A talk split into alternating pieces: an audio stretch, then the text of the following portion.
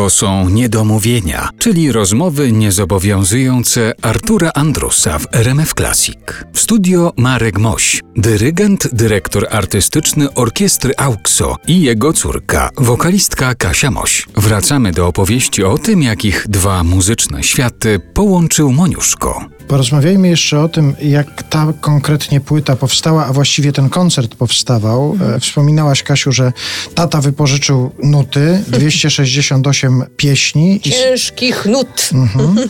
I z tego zostało wybranych 11 utworów. Tylko 11 precyzyjnie zostało wybranych? Tylko czy- 11. Najpierw 9, a Mhm. potem jeszcze dobraliśmy dwa kolejne, aby koncert był dłuższy i utwór Dumka w zasadzie powstał parę dni przed koncertem w sali Nospru. Ja dostałam e, nagranie MIDI dzień przed koncertem i na próbie generalnej zaśpiewałam ten utwór po raz pierwszy i potem, kiedy odsłuchiwałam, to byłam bardzo zaskoczona tym, w jaki sposób zaśpiewałam. Myślę, że gdybym była, jak można powiedzieć, bardziej przygotowana i bardziej świadoma tego, co chcę zaśpiewać, a nie byłby to rodzaj improwizacji, myślę, że byłoby to chyba mniej interesujące. To jest utwór, który najbardziej mnie osobiście, mnie samą zaskoczył, że tak zaśpiewałam Ja też sposób. posłuchałem tego i pomyślałem sobie, że jakby Moniuszko usiadł w pierwszym rzędzie i posłuchał tej wersji, to by się zdziwił. To by się zdziwił, ale miejmy nadzieję, że pozytywnie by się zdziwił, słuchając takiej wersji swoich utworów. Zresztą, no, wspomniałaś już o tym tutaj, że chodziło o nowoczesne potraktowanie Tak. tej muzyki. Czyli prawdopodobnie by się zdziwił, ale by rozpoznał te utwory, prawda?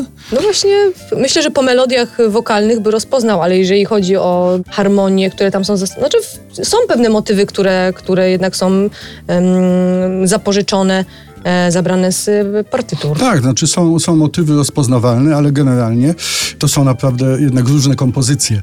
I myślę, że zależało wam na tym też, aby one były bardzo różnorodne, aby to było Tak. spektrum y, wielu stylów y, muzyki. Tak, naszych inspiracji od, od lat, bo każdy z nas słuchał odrobinę innej muzyki i chcieliśmy tutaj zawrzeć wszystkie te nasze światy, które nas od najmłodszych lat inspirowały i które są nam bliskie i chcieliśmy też właśnie, aby ta płyta była bardzo różnorodna i wielobarwna, aby nie znużyć słuchaczy w sali Nospru i również teraz. No mam nadzieję, że to się udało i że, i że to dla, dla słuchaczy jest interesujące i ciekawe. Myślę, że trudno y, nam będzie y, dowiedzieć się od y, samego kompozytora, co on by na to powiedział. No nie wiadomo. Może znowu się ukaże świecie. Właśnie, ale per analogia tylko w, wśród kompozytorów, których mi przyszło poznawać w życiu, tych wielkich, zawsze była taka jednak otwartość na to i radość, że ich muzyka stanowi jakąś kanwę do opowiedzenia swojej historii Mhm. i ważne tylko, aby było to dobrze zrobione. No bo to chyba jest dla twórcy coś bardzo istotnego, kiedy widzi, że jego twórczość pobudza jeszcze do twórczości kogoś innego, że Zdecydowanie, że ktoś tym jest zainteresowany. Tak, tak. I tutaj też wspominaliśmy już o tym, ale może jeszcze raz to wyraźnie zaakcentujmy. Mateusz Kołakowski i Mateusz Moś to były dwie osoby, które głównie zajęły się tą muzyczną, aranżacyjną stroną. tak, tak, tak. Także Mateusze poświęcili temu myślę, że z 8 czy 9 miesięcy swojego życia. To było pierwsze zetknięcie się dla nich z tak dużą formą, z tak dużym zespołem aranżowania i komponowania na orkiestrę, więc to był dla nich taki pierwszy raz. Czyli tata, szef orkiestry, dyrygent dostał już po prostu partyturę i miał stanąć i zadyrygować? Czy No, jak to z na ojcem wpływ? bywa, miałem najłatwiej. Po prostu. Nie, też dostawałeś y, takie pliki MIDI, prawda? MP3, które panowie ci przysyłali, tylko to brzmiało zupełnie inaczej niż potem już to takie spotkanie się z orkiestrą po Na raz żywo, pierwszy, tak, na tak. żywo. Ja pamiętam właśnie w sali w Elblągu z Elbląską Orkiestrą, kiedy zaczęliśmy, od w zasadzie pierwszych dźwięków miałam gęsią skórkę i tak było już do końca próby i to dla mnie było niezwykłe, bo wydarzyło się po raz pierwszy w moim życiu. To jeszcze raz Państwu powiemy, że ta płyta, właściwie te dwie płyty już są. Kasia Moś i Auxo, Moniuszko 200. Dlatego pytałem o to, czy tylko 11 zostało wybranych, bo jakby była druga część, to by mogło być Moniuszko 200 plus na przykład. No zobaczymy, jakie będą głosy fanów Kasi i, i wtedy myślę, że znowu weźmiemy te pieśni, te dwa tomy i, s- I coś się jeszcze znajdzie, Tak, na tak. pewno. Mm, Tak. Tylko pytanie, jak ze zdrowiem jednego Mateusza i drugiego, ponieważ No to już trzeba ich przyznać, sprawa, że to, to ich kosztowało sprawa. ich wiele energii.